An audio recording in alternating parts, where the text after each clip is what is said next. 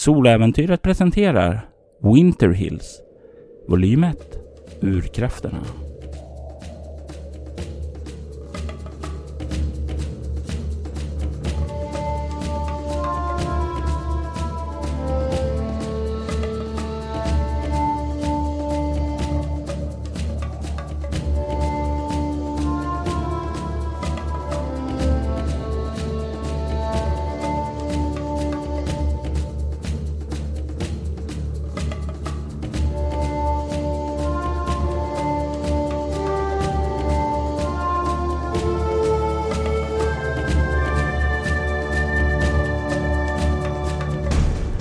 Säsong 2 avsnitt 22.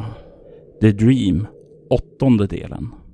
Tre veckor in i februari så är det någonting som bubblar i hamnen. Det är en konflikt som sjuder där. Det är inte alla som är nöjda med hur borgmästaren hanterade konflikten.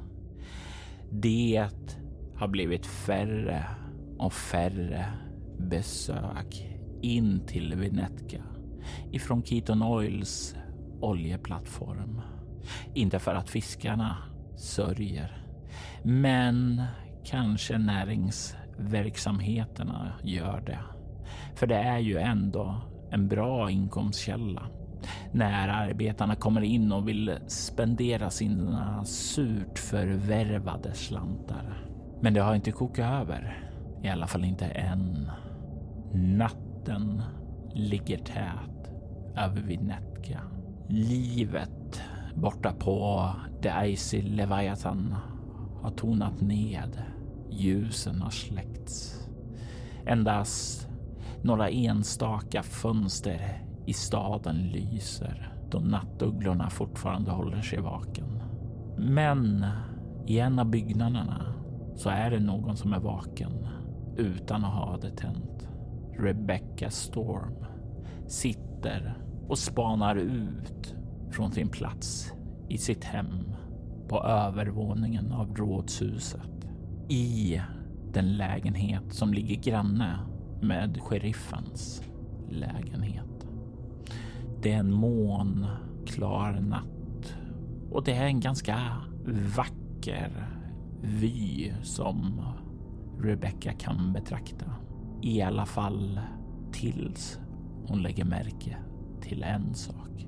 Rebecca, jag vill att du slår ett eh, lätt slag med kropp plus obemärkt. Har det någonting med spana att göra? Det är i allra högsta grad relevant, så då får du slå en tärning till och lägga på även det.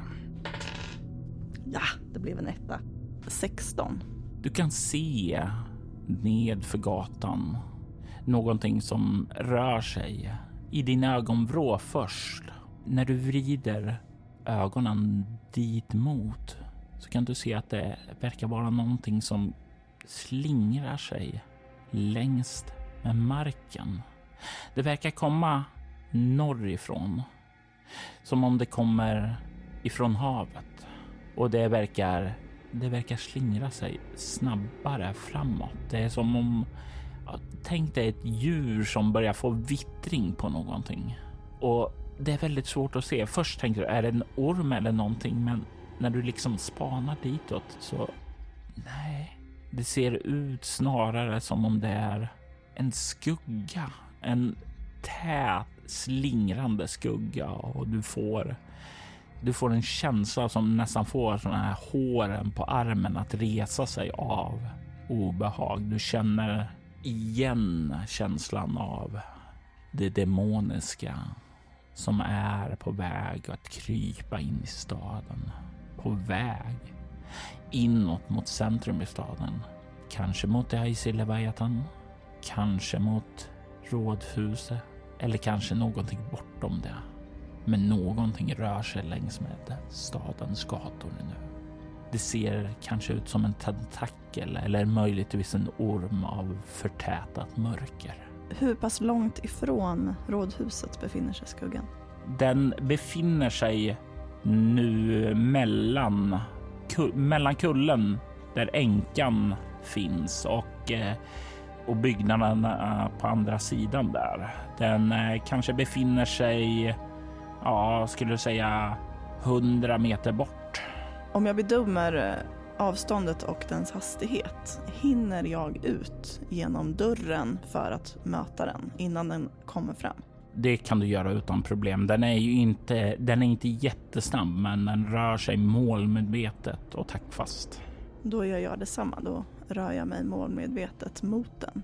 Och du tar dig ned, kommer ut i den här, i den här skarpa kylan som finns där ute. Hur är du klädd? Jag är klädd i en eh, blus och ett par eh, kostymbyxor.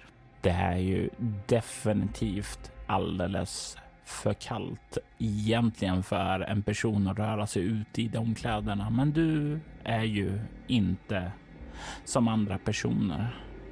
Eh, jag tänker mig att du kan spendera en egenskap för att aktivera din själskraft, kyla.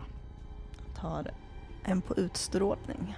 Du kommer ut på gatan där, gå, eh, rör dig runt byggnaden och kan se att den nu har tagit sig närmare och du kan känna den här känslan av det demoniska.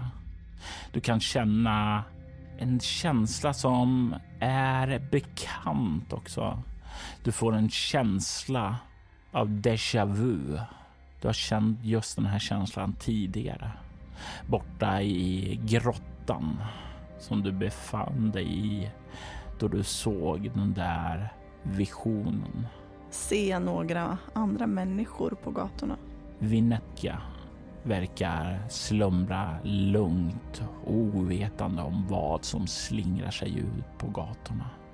Du är här själv. Jag följer skuggan för att se vart den har för riktning innan jag agerar mot den. Jag tänker mig att du kan få slå ett eh, lätt slag med ego plus stridsvana för att se om du kan bedöma dess intentioner. Kan jag även där använda spana för att identifiera hot över eh, detaljer? Ja. 20. Det är ett perfekt slag och det innebär att du ganska snabbt pejlar in var den är på väg. Den är på väg emot den delen av rådshuset där Sheriff Walker slumrar i sin lägenhet. Då väntar jag inte en sekund längre utan försöker att angripa den med min själskraft. Beskriv för mig hur du vill gå tillväga för att göra det. Vilken av själskrafterna som du har gör du och eh, hur ser det ut när du aktiverar den? Jag vill eh, skada eller skrämma eh, entiteten eller få den att helt enkelt avbryta sin, sin riktning genom att frysa fast den i eh, marken. Ja, eh, och du har valet här att eh, när du spenderar en bestående förlust för att aktivera den här, att antingen öka ditt anfallsslag eller att eh, göra ett anfallsslag, men istället då använda din kraft för att göra större skada. Så det är lite grann här om vad du vill göra. Vill du försöka skrämma den mer och driva den därifrån eller om du vill verkligen neutralisera hotet? Jag tror att jag just nu vill försöka neutralisera hotet, se om det går i det här skedet. I sån fall spendera en bestående förlust i valfri egenskap. Jag väljer utstrålning. Du fokuserar ditt sinne och i nästa ögonblick så vill jag att du slår ett kropp plus avståndsstrid för att göra en attack. 14. Och det är ju över dess försvar. Hur mycket skada gör du med din själskraft kyla? Eh, plus tre i skada. Vilket gör att du gör fyra i skada sammanlagt. Du aktiverar din kraft. Du Fokusera ditt sinne och du får den här att frysa på sin plats. Men inte bara frysa på sin plats, utan du ser hur när du fokuserar på det, hur hela den här förtätade skuggan börjar frysa till is som en istapp där. Och du känner hur den i nästa ögonblick splittras och det här demoniska kraften som har slingrat sig längs gatan, den är borta. Det känns lätt. För lätt. Det känns som att den måste ha tagit vägen någonstans. Jag fortsätter att spana vart resterna av den kan ha tagit vägen. Din blick glider över området och du kan, du kan förslå ett eh, lätt slag med ego plus okultism. Tio. Det är lyckat och alltså du, du kommer ju från en plats där det fanns mäktiga skuggvarelser. Sådana som kallades för umbraler. Umbraler är näst intill ostoppbara och definitivt inte någonting som stoppas så enkelt. Så det är ganska naturligt för dig att tänka det här är för enkelt. Men det verkar faktiskt vara så enkelt för du kan se resterna av den förtätade skugga ligga infrusen där. Där du inkapslade den med din kyla. Och det är någon gång när du står där liksom och spanar där och drar dig till minnes någonting där. Det finns även eh, esoteriker som kan åkalla skuggor, styra dem från andra platser och låta de små varelserna göra sin verkan. Väldigt effektiva att spionera eller besätta.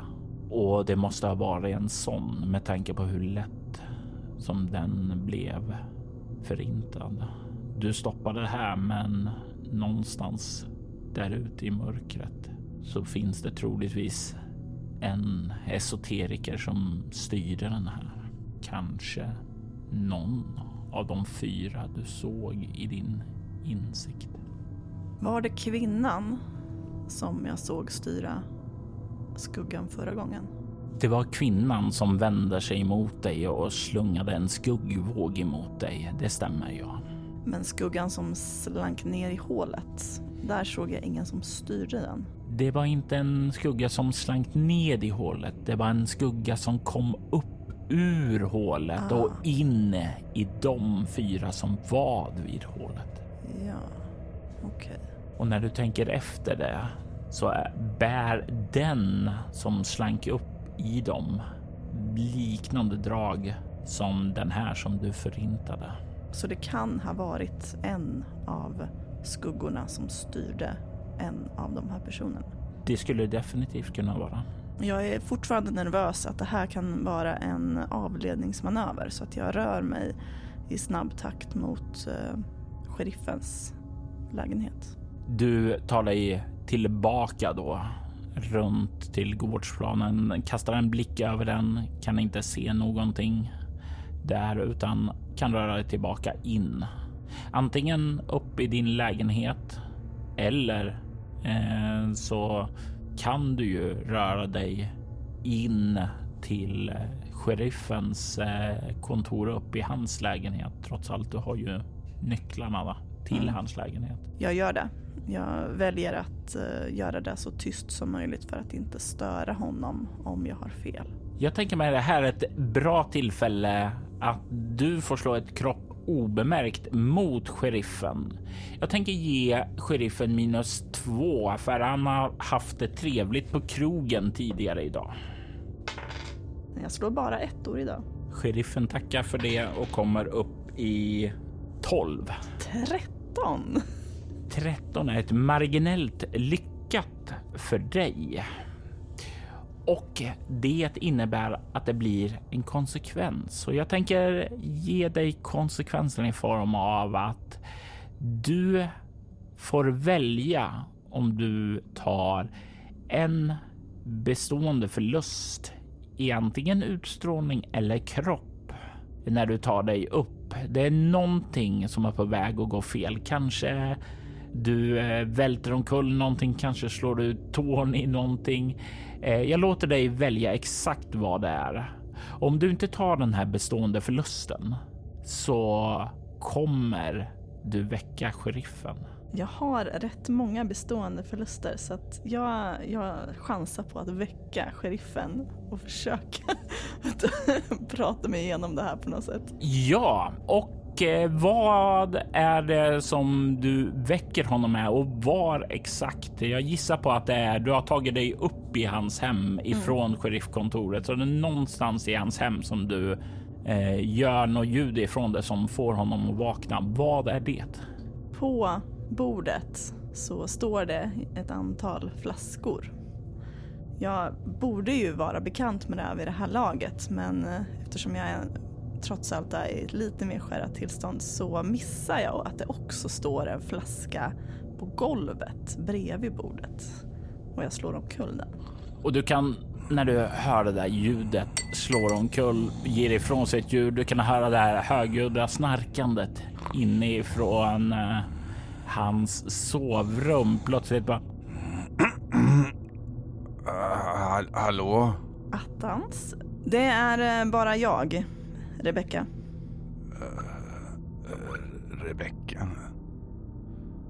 Vä vänta en stund så, så kommer jag. Du kan höra hur han så här lite småmumlande reser sig upp och eh, verkar dra fram någon morgonrock och dra på sig det.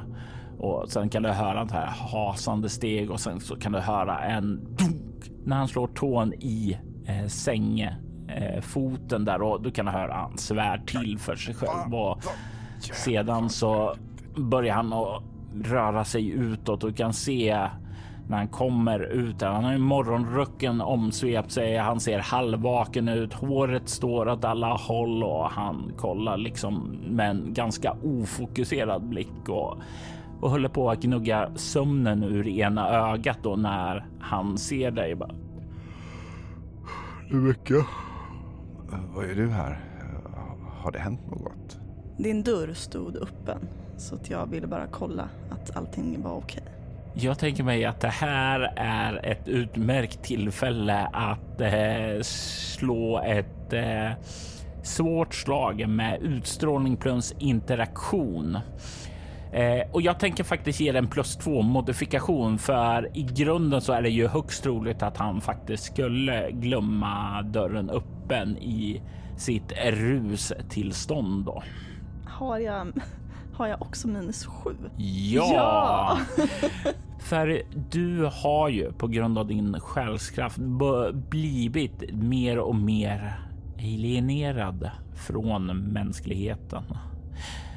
Med de djupa insikterna du har i mysterierna kring själen mm så har du tappat närheten till mänskligheten. Det är inte helt lätt att vara borgmästare och förhandla framgångsrikt där, men dina själskrafter brukar ju vanligtvis hjälpa dig med det. Men de kanske inte är så god hjälp just nu här. Nej, just nu fungerar de inte alls. Då ska vi se, plus två sa du i alla fall. Plus två minus sju, så minus fem på utstrålning interaktion. Mm. Och etta igen. Jag tror jag byter tärning. Så. Då har jag hela sex. Det är inte ett fummel. Du kan se hur han gnuggar sig lite i ögonen. Eh, börjar skärpa till och du kan se den här ja, det här sömn, sömniga tillståndet han var i. Det börjar han skaka av sig nu. Han kollar på dig med en lite mer allvarlig blick och säger men, men Rebecka, Jag är helt säker på att jag låste dörren. Och så kollar han liksom på dig. Vad ser han när han kollar på dig? Jag är väldigt bra på att stänga av alla känslor och alla känslouttryck i ansiktet. Så han möts nog av en rätt känslolöst ansiktsuttryck. Svårt att läsa av på det sättet. Du kan se då, han stirrar på dig ett ögonblick och sen så suckar han och säger Jag vet att jag stängde den, så om den står öppen... Du kan se han börjar kliva tillbaka in i sovrummet. Du kan höra att han börjar klä på sig. Jag tänker att det skadar inte. Han är mer beredd på hot om man trots allt har kläderna på sig. Får försöka vända det här till min fördel på något sätt. Och du kan höra som sagt vad han klär på sig där och det tar ju en liten stund. Vad använder du den här stunden till? Kan jag se den förrusna skuggan från de, de här fönstren? Ja, du kan se när du betraktar platsen där de ligger att det, isbitarna ligger ju kvar där. Isbitarna med resterna av den skugga som du fångade. De verkar inte ha rört, rört sig eller brutits ned. Jag eh, tänker att det skadar inte att se vad han får för reaktion på att se någonting sånt här heller. För... Du behöver ju inte nödvändigtvis berätta att det var jag som gjorde det. Nej, och för det blotta ögat härifrån så ser det ju bara ut som eh, vanliga eh, isbitar som ligger där. Det är ju inget konstigt så när man kommer närmare där så är det ju snarare om man kollar i de här isbitarna ungefär som om man kan se någon så här mörk flytande skugga som liksom har fångats i ett ögonblick. Ungefär som i vissa glasföremål så har man någon så här ljusfin färg, nästan ett rökmoln som har fångats i det där som ser väldigt eh, underligt ut. Eller ja, för vissa väldigt, väldigt spännande och häftigt medan andra bara, ja, medan andra bara tycker att det är ja, ännu ett konstverk som någon stackars konstnär har skapat och ingen bryr sig om. Av det jag vet om uh, demoner och dem demoniska skuggor och såna här mm. saker, kan delar av den vara, kan de liksom flyta ihop igen och bli ett hot? Ja, det skulle de definitivt kunna bli under andra omständigheter. Eh, men just eftersom du har använts själskraft, vilket mot demoner är bland det mest skadliga, så nej, inte den här. Hade det varit om du hade attackerat den kanske med eld eller skjutvapen eller någonting sådant, då hade den nog kunnat återförenats, men inte nu. Du står där och kollar i fönstret då du kan höra hur Lair kliver ut och eh, han är påklädd nu och han har en pistol i handen där. Redo att möta inbrottstjuven som han är övertygad om är här. Låt oss se vad vi kan finna. Ser du någonting som avviker? Han börjar spana där runt och du kan se att hans eh, blick fastnar på bordet där där de olika buteljerna finns och, och han börjar kliva fram däremot och börjar spana ner på en av flaskorna. Kliar sig lite i huvudet. Hmm. Och sen så bara skakar han på huvudet och sen så verkar han eh, fortsätta bort där ungefär som nej, det där var nog ingenting. Han börjar söka av sitt hem och jag tänker ju slå ett slag här.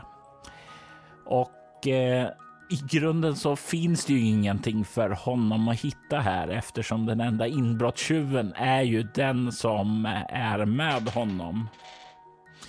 Så du kan se hur han börjar frenetiskt här leta här uppe i lägenheten. Nej, det verkar inte vara någon här. Undrar om inbrottstjuven kan gömma sig där nere. Du kan se han börjar ju röra sig nedåt nu. Mm. Han verkar eh, rätt så fokuserad för att vara honom. Alltså, han kanske inte ser eh, mycket ut för världen just nu i sitt nyvakna tillstånd med hår sående åt alla håll och sådant där och han går omkring i sina sheriffkläder som är lite skrynkliga och sådant där. Eh, men han är ändå relativt nykter för att vara han och alert där. Du ser väl den här lilla glimten av vad som en gång var troligtvis en person som var väldigt, väldigt alert av sig och troligtvis varför han såg som en god sheriff en gång i tiden. Han börjar röra sig nedåt till sheriffkontoret. Jag följer efter. Och efter en genomsökning där nere så eh, kliar han sig i huvudet där och säger. Det verkar inte som någon är här nu i alla fall. Tjuven har troligen smitit innan du fann att dörren stod öppen. Och sen då är det plötsligt som någonting slår honom. Men vad gjorde du uppe mitt i natten? Jag har svårt att sova. Svårt att sova? Ja, beklagar. Då kanske jag ska ta och bjuda dig på en sängfösare. Jag kommer upp så fixar jag åt båda, så kan vi gå och lägga oss. Eh, ja, i varsin säng förstås. Självfallet. Och han börjar vandra uppåt där. Kliver upp mot sitt barskåp. Vilket egentligen är ett köksskåp där som är fyllt av flaskor där. Så han plockar ju fram och eh, han plockar fram en flaska och börjar hälla upp ett glas åt eh, dig och åt sig själv. Jag har ingenting emot att eh, observera honom en stund till. Eh, så jag, jag, väljer att stanna kvar och, och ta en sängfösare med honom. Och han räcker över glaset till dig och säger Så håller dig vaken om nätterna, Rebecka? Vi har väl alla saker vi grubblar över. Är det konflikten nere i hamnen som stör dig? Ja, den är ju också ett eh, bekymmer just nu. Helt klart. Har du hört någonting mer? Jag vet ju bara att Mr Martin är orolig hur det kommer att påverka handeln. Han har ju förlorat en del inkomst på den här konflikten nu när Keaton Oil inte verkar intresserad av att handla där längre. Ja, det var ju olyckligt. Det är inte så lätt att vara i en position där man ska hjälpa andra alla gånger. Det, det är väl så. Alla vill olika och Ingen vet sitt eget bästa. Så är det Rebecka. Säger han och tar och sveper sin sängfösare och eh, tar sedan fram flaskan igen för att fylla på sängfösaren. Hur har det gått med eh, läkarundersökningen? Jo då, den är utförd. Jag var förbi Dr. Hartman och kollade upp hälsan. Allt var bara fint. Det var inga bekymmer.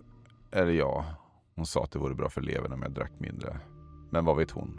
Hon är ju bara en doktor säger han och gör en sån där gest med glaset i ena handen där ungefär som bara ja, dör jag så dör jag. Det är, du får en känsla av att det är definitivt som när man sitter fast i ett beroende så är man inte så orolig för sig själv där. Det är som om han, han spelar ner det för sig själv. Att han inte tänker så mycket på det. Alla tester jag gjorde sa att jag hade en god fysik. Och du bara får den här känslan om, om det är, han är i god fysik nu. Tänk om han kunde slå av på spriten och faktiskt leva lite mer hälsosamt. Jag tar gärna rapporten på mitt bord om det går bra. Ja, ja, men absolut. Det kan jag fixa åt dig imorgon. Eh, säger han och sväljer den andra sängfösaren. Har du fått i dig din första ännu? Nej, det har jag ju inte. Jag kommer nog inte att dricka upp den heller. Det verkar som att nu har han ändå tagit två sängfösare. Det blir inte så mycket bättre av att sitta här. Så jag tror, eller jag bestämmer mig för att ställa ner glaset och resa mig upp och säga godnatt. Eh, och han nickar och säger. Hoppas du kan få sova lite. Vi behöver alla sova lite. Säger han och reser sig upp. Eh, för att följa dig ut. Mm. Och lite grann så här utan att tänka på det så plockar han upp din, ditt glas också med sängfösaren. Han kommer i alla fall sova ännu mer i natt då. Ja, och eh, han eh, eskorterar dig då till ja, den här dörren då som leder in i din lägenhet. För ni har ju en dörr som ni delar mm. där och eh, önskar dig god natt och stänger sedan dörren bakom dig. Och du är tillbaka i din lägenhet.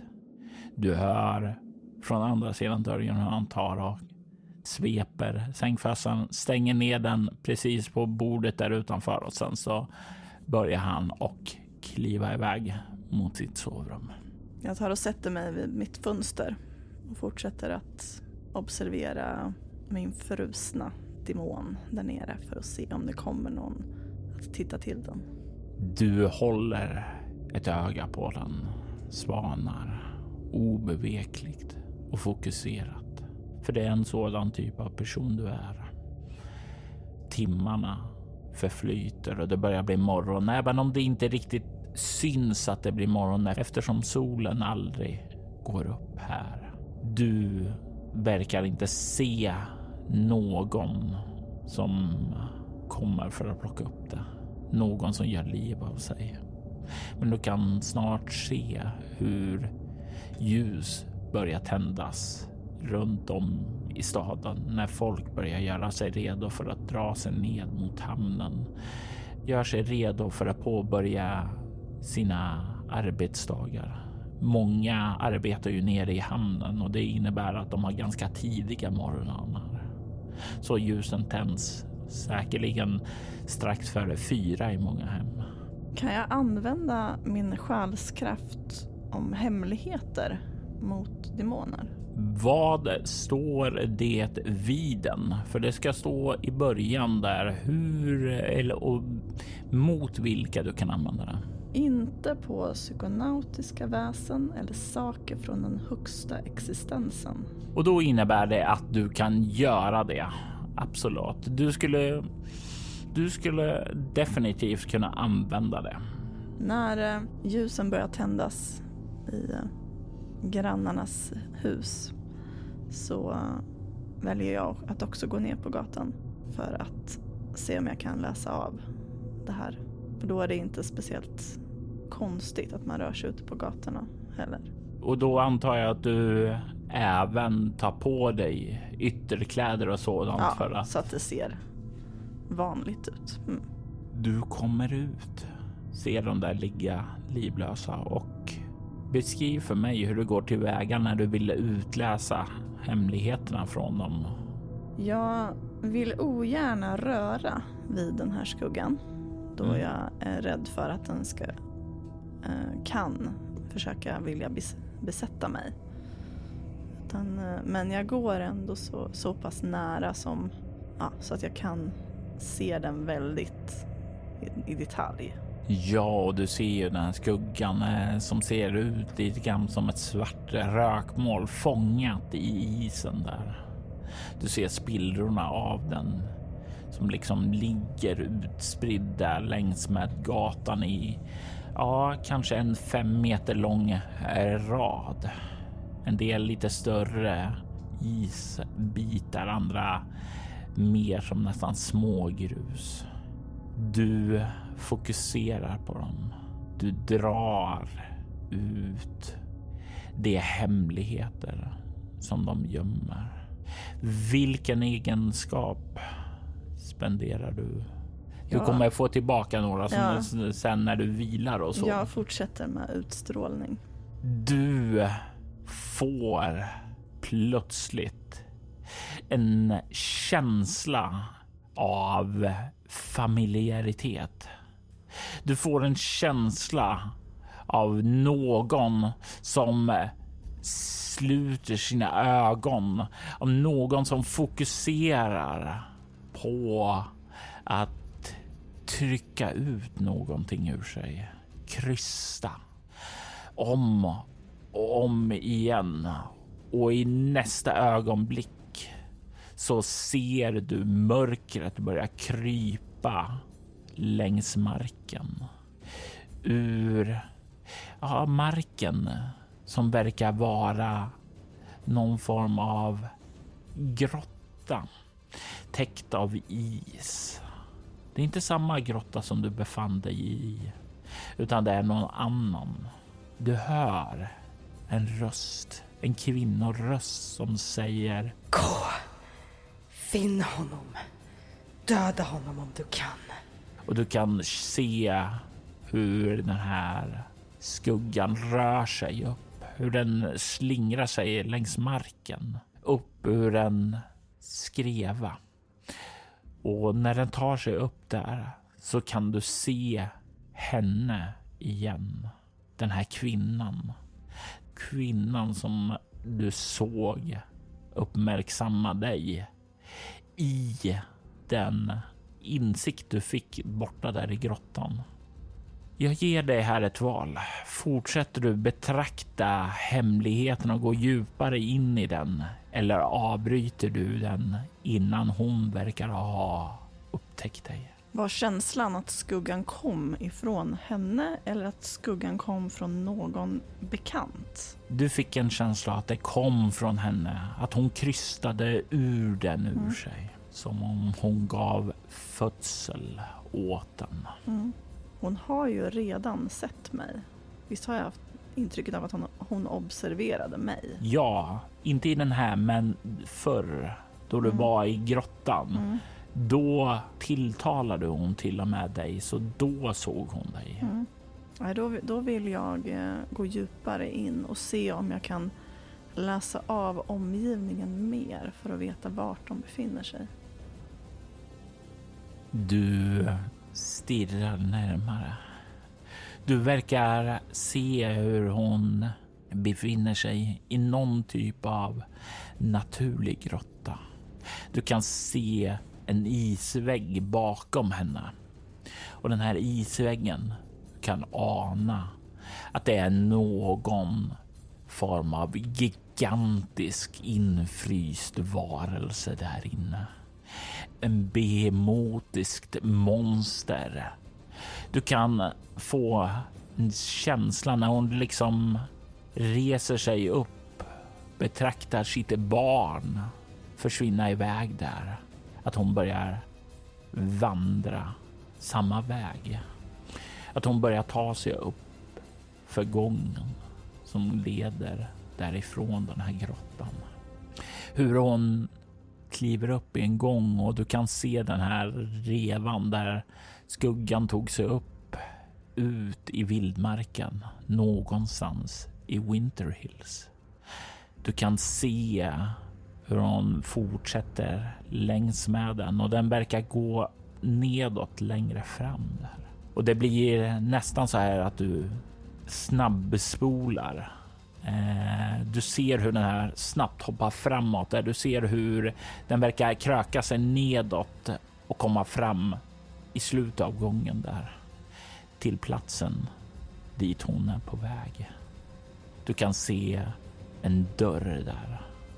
En ordentlig bepansrad dörr. En dörr som definitivt skulle kunna tillhöra en gammal militär bunker.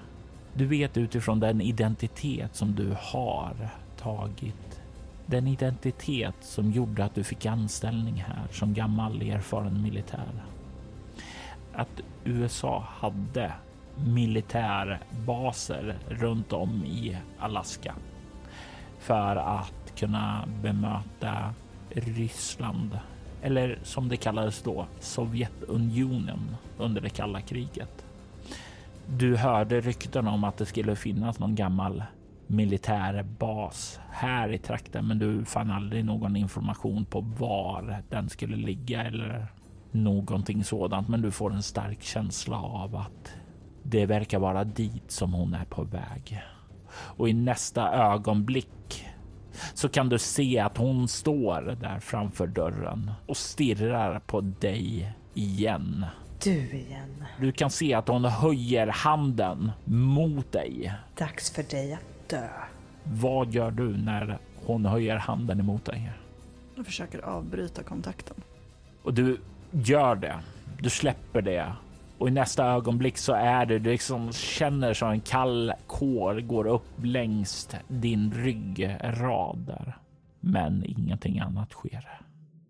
Har jag några militära kontakter som jag kan kontakta kring vart den här bunkern skulle kunna befinna sig? Eller är det gam, alltså, mer lokala krafter som kan veta det? Det borde ju finnas någon här i trakten som känner till det här, men eh, frågan är bara vem. Du har ingen direkt koll på. Eh, du skulle väl säga att eh, Lyle är väl för ung. William kanske skulle veta det eller Robert. Eh, det är väl de två första som slår dig då. Om du har kontakter?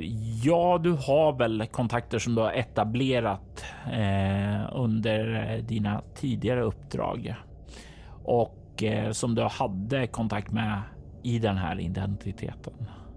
Men det är ju inte här på plats och kommunikation utåt härifrån är inte någonting som du har. Det går om man har en satellittelefon, vilket inte är särskilt vanligt eh, på den här tiden och du har inte någon sådan med dig eftersom det var aldrig någon tanke att du skulle behöva det.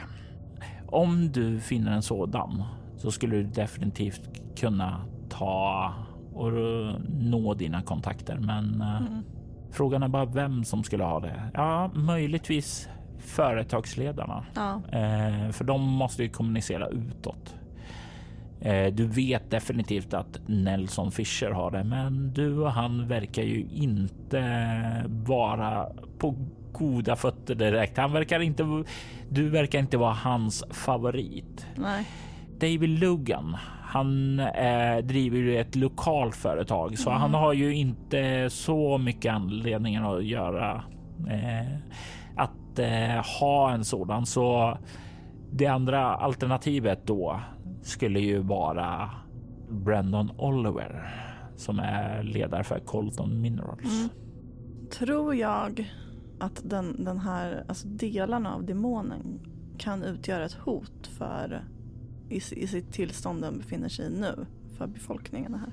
Inte i sig. Skulle en esoteriker däremot hitta det här så skulle det gå att använda den döda demonen i olika ritualer och sådant där. Mm. Så nej, inte för vanliga befolkning, men det skulle kunna användas av andra. Mm. Bedömer jag att den kan vara farlig att röra vid nu? Du är hyfsat säker på att det nog är tämligen säkert att röra vid den. Dels att den är död, dels att den är omkapslad av is. Mm. Hur stor är den? Är den så att jag skulle kunna skyffla upp den i en stor sån här eh, transportpulka? Eller? Ja, det skulle du definitivt kunna göra. Ja, jag bestämmer mig för att göra det. Och du skyfflar väl upp där och du börjar väl få i det sista. Det är väl någon som kliver ut och... Jag hälsar glatt på den som kommer ut. Du ser... Eller åtminstone hälsar. och den ser väl dig, nickar tillbaka hälsning för det gör man ju där. Definitivt mer glatt än vad du gör. Tycker väl inte det är konstigt. Eller ja, kanske tycker det är väl lite konstigt att borgmästaren är ute och skottar eh, vägen då, men reagerar väl inte mer på det än att ja, okej, okay, ja, det är väl tur att vår borgmästare tar i med ordanskan och kablar upp ärmarna då. Så är det. I ett litet samhälle får alla hjälpas åt. Och du skyfflar upp de sista resterna av den demoniska varelse, av den demoniska entitet som kröp sig in i Vinetka igår natt. Du lassar upp den på pulkan och passerar förbi personen som vandrar bort emot hamnen och börjar dra den därifrån. Var planerar du att göra dig av med demonresterna? Var bedömer jag är bästa platsen? Antingen dumpa den i vattnet, men där är det väl is? Eller hur ser hamnen ut egentligen? Det är ju inte is eftersom det är mycket trafik och sådant med båtar och sådant. Det är rörelse och sådant där så är det ju uppbrutet där så det är ju vatten. Det är inte fryst is där. Nej. Eh. Finns det någon, någon bäckfåra eller liknande som också är Eh, med strömmar och igång och så eller så man kan dumpa den? Du skulle ju definitivt. Eh, Jag tänker mig att du kan faktiskt kan få slå ett eh, lätt slag med ego plus naturvetenskap eller ego överlevnad. 13. Du kan dra dig till minnes att eh, väst om Vinetka så går det ju en väg ut till fyrtornet där Kate Robinson har sin radiostation. Eh, längs den vägen så går ju också kusten. Det är inte många som rör sig där. Det är ju väl i stort sett Robert Martin som gör matleveranser ut dit åt henne. I övrigt så är det ganska eh, ostört och där skulle det vara ett lämpligt ställe att bara dumpa av det vid kusterna. Mm. Eh, Har jag en egen skoter? har du en egen skoter?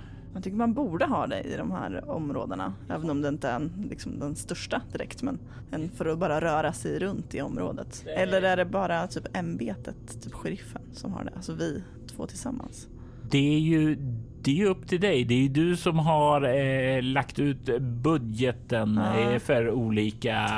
Då, då uppdrag. har vi nog en tillsammans. Mm. ehm, trots allt. Så då, då kommer ju han märka att den är borta helt enkelt. Inte nödvändigtvis. Det, kommer han ju först göra om han behöver den. Han Så har ju sin egen bandvagn och sådant. Det, det har ju ni, men skoten är ju som sagt var gemensam. Ja men jag tar den helt enkelt och fäster pulkan på den. Och så drar jag iväg bort till kustavsnittet där bredvid eh, fyrtornet. Du ser till att göra dig av med de demoniska resterna. Och det är inga större problem. Du skälper av det och snart så sjunker det ned i havet och glider ut. Det är när liksom vågorna slår in däremot. Sen så dras de nästan ned i havet. Du stannar kvar där, väntar för att se om de sköljs i land. Men de verkar inte komma tillbaka. Och snart känner du dig trygg med det faktum att de inte kommer att återvända. Du har redan gjort dig av med en demon och ännu så har inte ditt arbetspass börjat. Snart så kommer den unge Lando Green att kliva in på kontoret för att tända ljusen och vänta på att du kommer tillbaka. Det blir dags för dig att börja ge dig tillbaka till ditt ämbete och kontor. Och vem vet vad som väntar på dig där. I detta avsnitt hör du Regina Backlund som Rebecca Storm, Jörgen Niemi som Lyle Walker och Emily Drotz som Ophelia Black. Winter Hills är en berättelse skapad, spelad och producerad av Robert Jonsson till rollspelet Bortom som ges ut av Mylingspel. Denna säsong klipptes av Kvarnberg Productions, Robert Jonsson och Jörgen Niemi. Kvarnberg Productions är ett företag som bistår dig med allt ifrån att hjälpa dig till att starta upp en podd till att klippa och producera den. Du hittar dem på kvarnbergproductions.com och länkar till deras kanaler hittar du i avsnittets inlägg. Winterhills temamusik skapades av Andreas Lundström från rollspelspodden Sweden Rolls. Ni hittar hans musik på Spotify och Soundcloud. Musiken i denna säsongen kommer från Agersonus, Fax One, Atrium Carcere, Cities Last Broadcast, Council of Nine, Creation 4, Cryo Chamber-kollektivet, Dead Melodies, Eldar, Arta, Gidanien, Northumbria, Onasander, Plamen Vecnosti, Proto-Jew, Shrine, Skrika, Tinedai, Ugasani, Erxes the Dark, Wolves and Horses. Alla dessa band var från Cryo Chamber. Från Epidemic Sound kan vi höra banden Airei, Amaru, Amos Noah, August Wilhelmsson, Bladverk Band, Kristoffer Mo Ditlevsen, Inger featuring Lejon, Edgar Hopp, Edvard Karl Hansson, LFL, Student, Francis Wells, Gavin Luke, Hampus Naselius, Johan Glossner, Jon Björk, Lama House, Loving Caliber, Middle End, Rand Aldo, Red Revision, Savun, Sightless In Shadow, Silver Maple, Trailer Works och Young Community. Övriga artister som medverkar i säsongen är Adrian von Ziegler, Andreas Lundström, Derek and Brandon Fichter, Is Jammy Jams, John Lahtinen, Kevin MacLeod, Nicholas Heidless, Ryan E. Beats, Tabletop Audio, Vlogson samt Copyright Free musik. Den sångslinga som kan höras i samband med Sjöhäxan är en ljudeffekt hämtad från Free Sound skapad av användaren Timber. Kartegel skivbolag och artister hittar du i avsnittets inlägg. Soläventyr är en actual play podcast där vi spelar rollspelen Bortom och Leviathan. Ni kan komma i kontakt med oss Instagram, Twitter som @spelabortom, Facebook samt på bortom.nu. Vill ni ha liknande poddar som denna kan ni spana in våra spin-off-poddar Altor Schwider och Valerie Chronicles. I den förstnämnda spelar vi det klassiska rollspelet Drakar och Demoner i världen Altor, medan vi i det andra spelar Vampire the Masquerade med inslag av de andra rollspelen i World of Darkness. Ni är välkomna att lämna recensioner om podden på både Facebook och era poddappar. Det uppskattas djupt av oss och kan leda till extra belöningar för er. Vill du stödja Roberts fortsatta kreativa skapande kan du göra det på patreon.com snedstreck Robert Jonsson. De som backar får tillgång till material i form av extra poddar och statusuppdateringar. Mitt namn är Robert Jonsson. Tack för att du lyssnar. Vi vill ta tillfället i akt att tacka, hylla och hedra våra Patreon-backare Ty Nilsson, Daniel Pettersson, Daniel Lands och Morgan Kullberg. Ert stöd är djupt uppskattat.